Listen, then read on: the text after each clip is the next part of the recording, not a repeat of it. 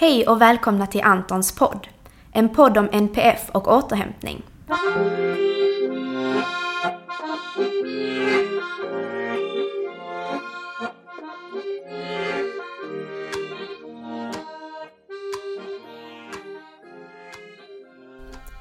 Jag heter Marie och kommer att i dessa poddavsnitt utforska olika aspekter av hur det är att leva med eller tillsammans med någon med NPF, neuropsykiatrisk funktionsnedsättning. Jag heter Josef. För tio år sedan så jobbade jag som pedagog på en särskola och fick en ny elev som hette Anton. Han lärde mig om autism och han lärde mig minst lika mycket om behovet av återhämtning. Jag lärde också känna Antons mamma, Lotta. Att leva med Anton är både fantastiskt och underbart. Men det är också utmanande. För Anton har svår autism och det påverkar hela familjen. Vi är ofta helt slutkörda och har ett stort behov av återhämtning. För att skapa möjligheten att få anpassad återhämtning skapade Lotta, Josef och Antons läkare Helena föreningen Antons hus. Denna podden handlar inte om Anton, men Anton har vi alla gemensamt. Podden är för er alla som också har en Anton.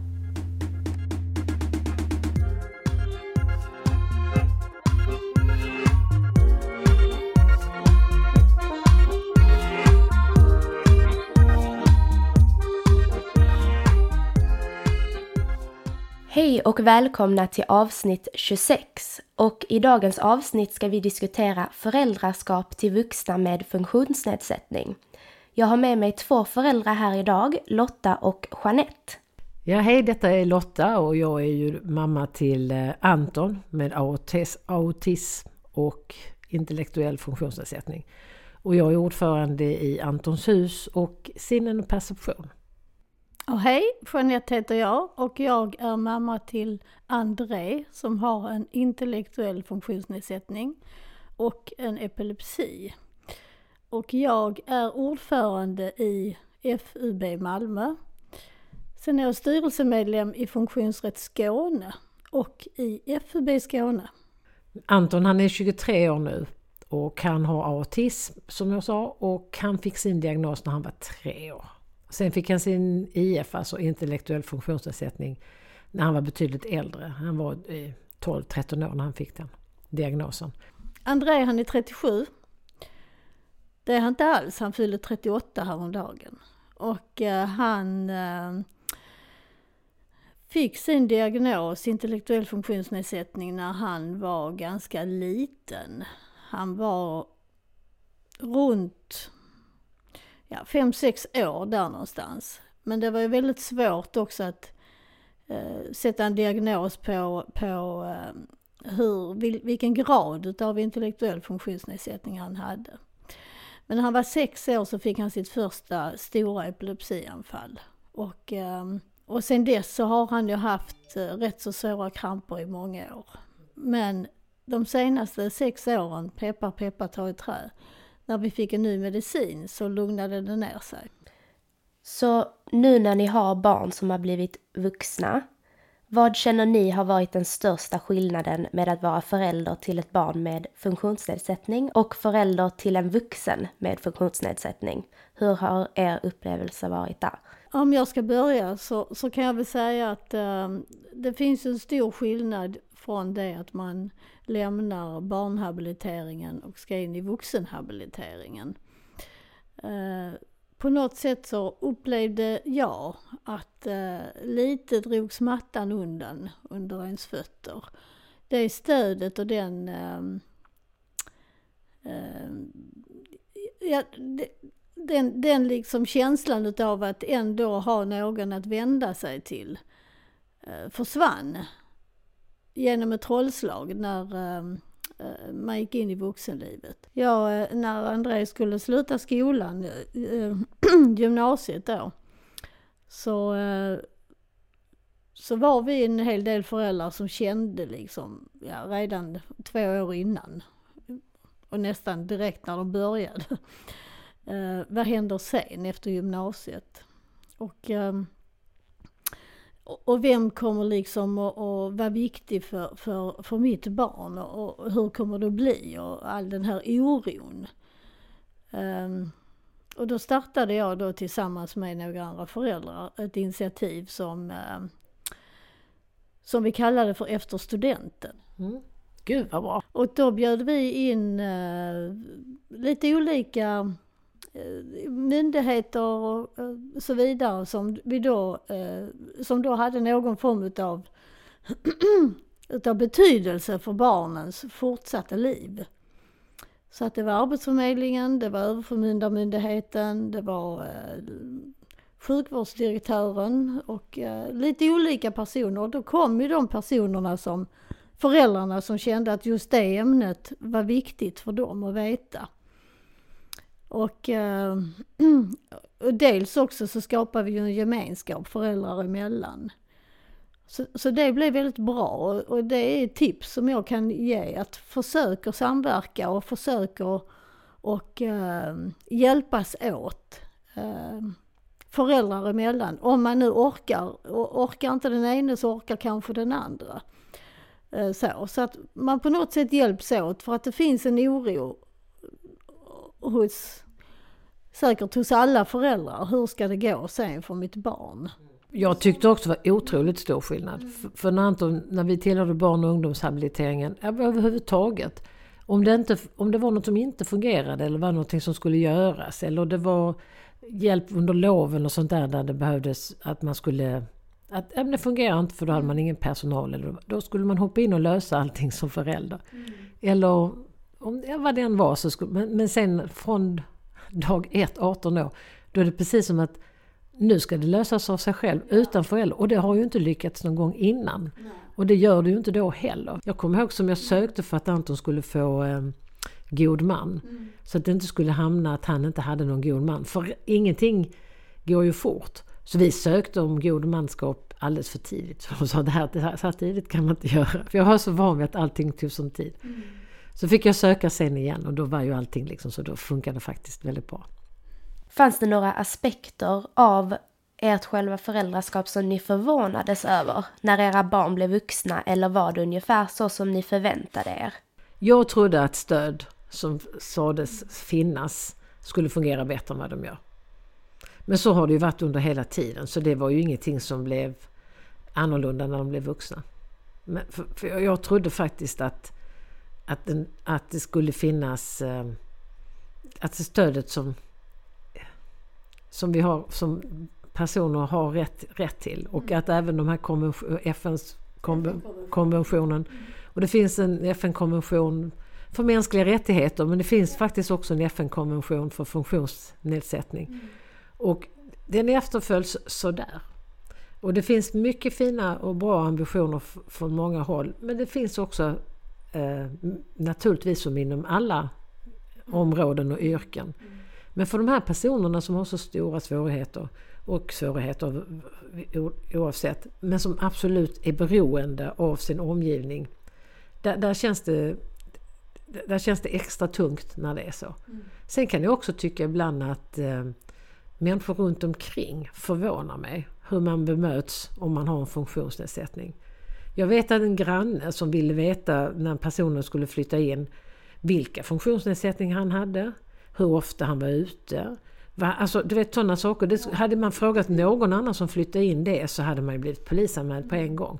Här var det liksom inte så konstigt att fråga. Jag fick också nya grannar men jag har inte frågat dem vilka diagnoser de har.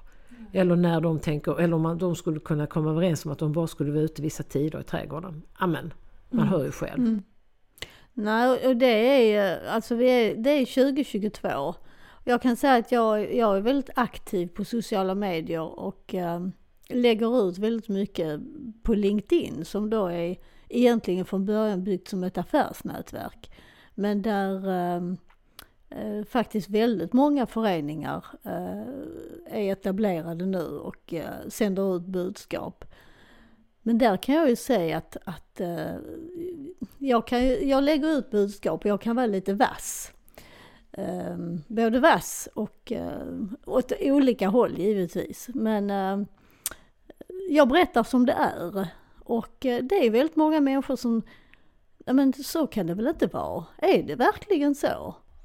Och det, och det är det. Ja, och, och, precis, ja, och det är det. Kan det vara möjligt? Så att det finns ju en, det finns ju en stor okunskap ute eh, i samhället skulle jag vilja säga. Det, det, är inte bland oss som redan är frälsta. Men ute, ute, ute i samhället så finns det en väldigt stor okunskap. Jag menar inte att, man, att gemene man inte är intresserad. Utan det är så att man helt enkelt inte vet. För man har ingen anhörig i sin närhet eller man känner ingen som har någon funktionsnedsättning. Och, eh, och, och då är man liksom, då vet man inte. Men ju mer vi syns på sociala medier, ju mer vi insisterar på att finnas i sociala medier även där vi kanske normalt inte finns, då sprider vi också kunskap. Och jag tycker det är jätteviktigt. Ja, det är det verkligen.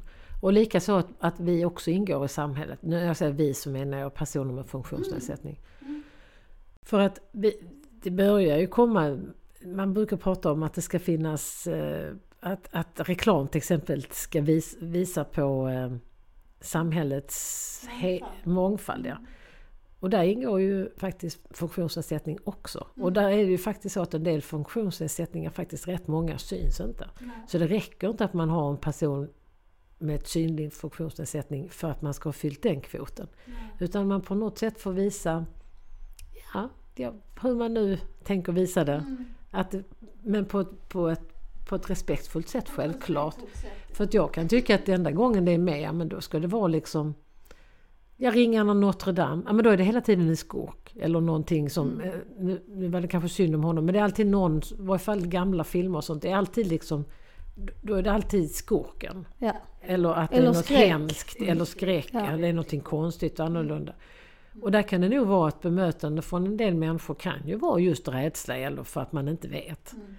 Men det är inte okej okay att bete sig så som man många gånger blir bemött ändå. Nej, alltså det jag läste faktiskt om eh, på sociala medier, eh, tror det var på Eskilstuna, där eh, det var ett ungt par som hade då fått, det skulle byggas ett gruppboende bredvid dem och de ville sälja sitt hus. De ville inte bo bredvid ett gruppboende. Och det är ju en inställning som är förfärlig. Ja, och, verkligen. och hör inte hemma i 2022 absolut inte med utgångspunkt från mänskliga rättigheter och, och allas lika värde. För det är, det är inte så att det är allas lika värde.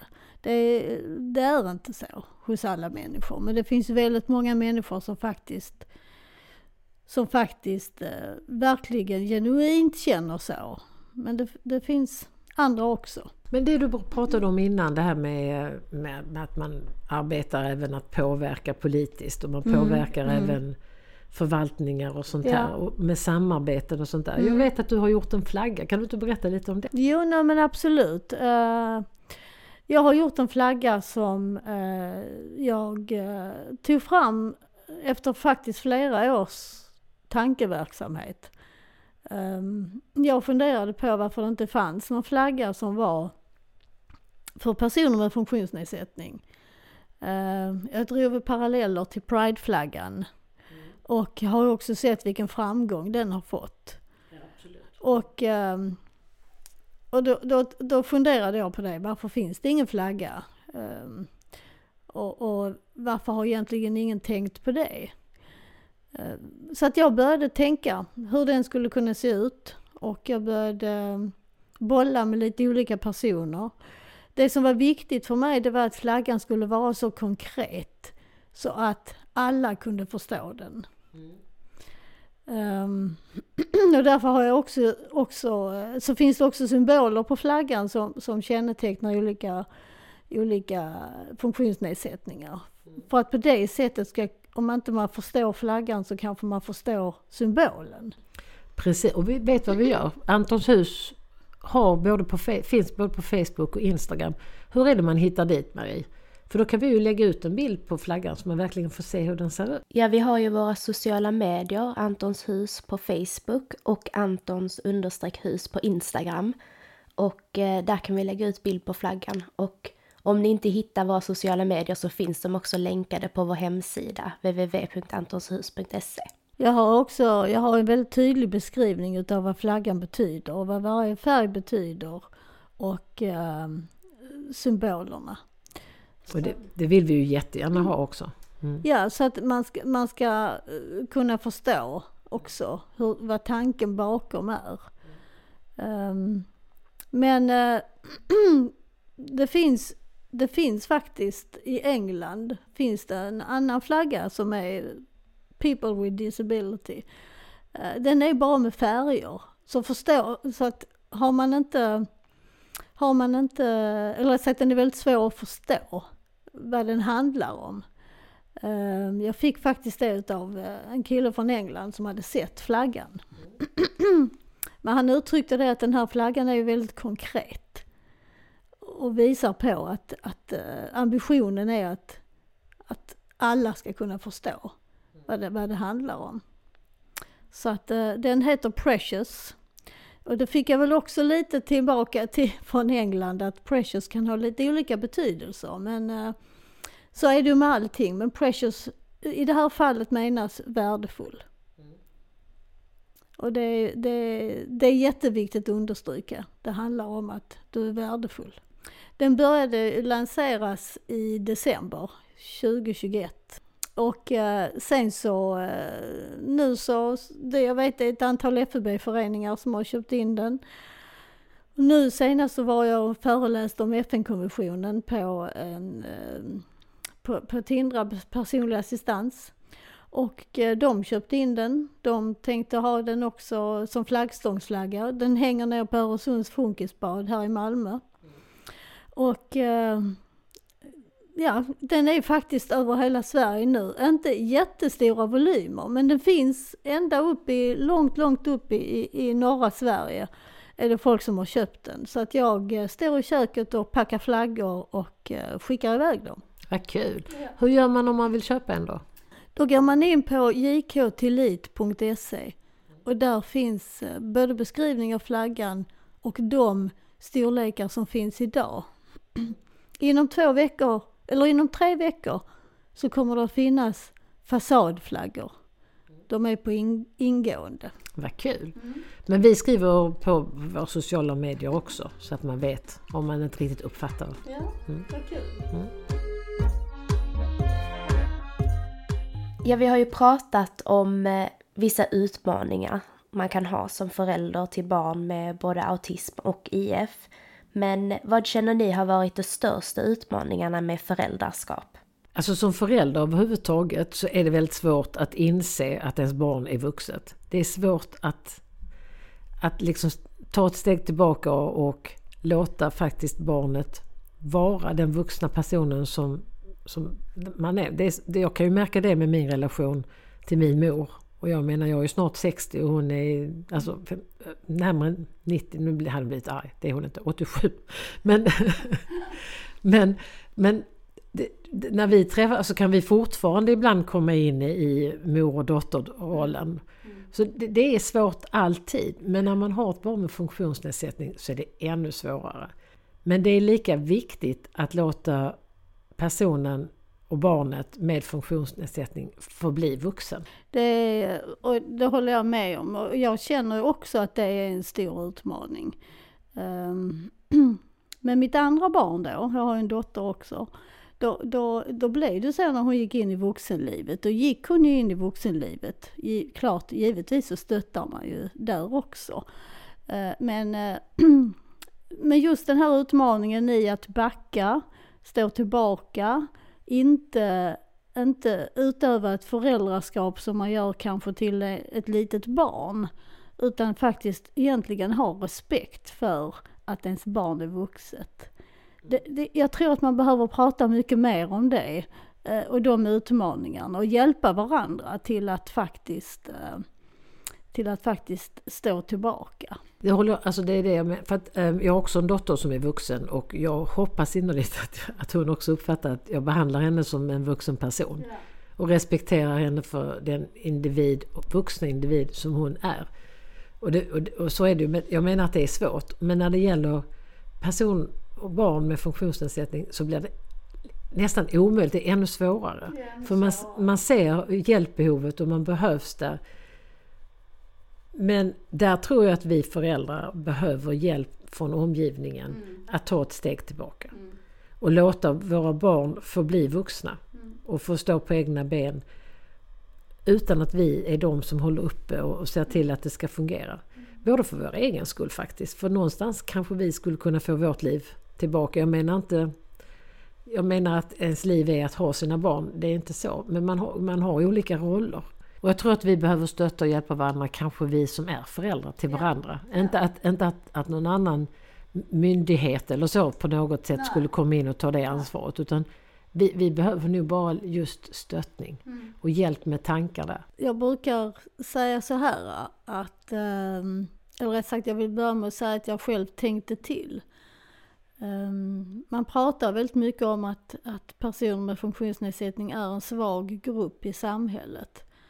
Och eh, där vill jag bestämt säga att nej, det är en väldigt stark grupp. Det finns ju ingen som är så, eh, om man säger personer med funktionsnedsättning, deras kamp mot fördomar, att i princip vissa slåss varje dag för att få sina rättigheter.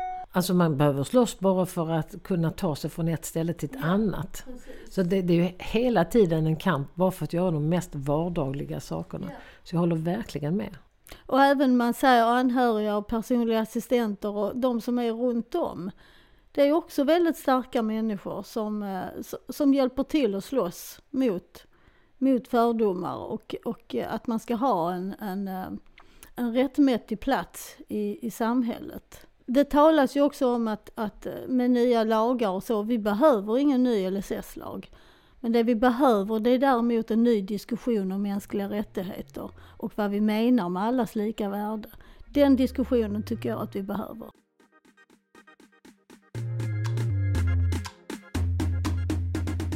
Och med det så tackar vi för oss och tack för att ni har lyssnat. Glöm inte att följa oss på sociala medier för att lära dig mer om autism och om vårt projekt Antons hus. Gå in på vår hemsida, www.antonshus.se, för där hittar ni all information om Antons hus och var ni kan följa oss. Där uppdaterar vi även när nästa avsnitt av Antons podd släpps.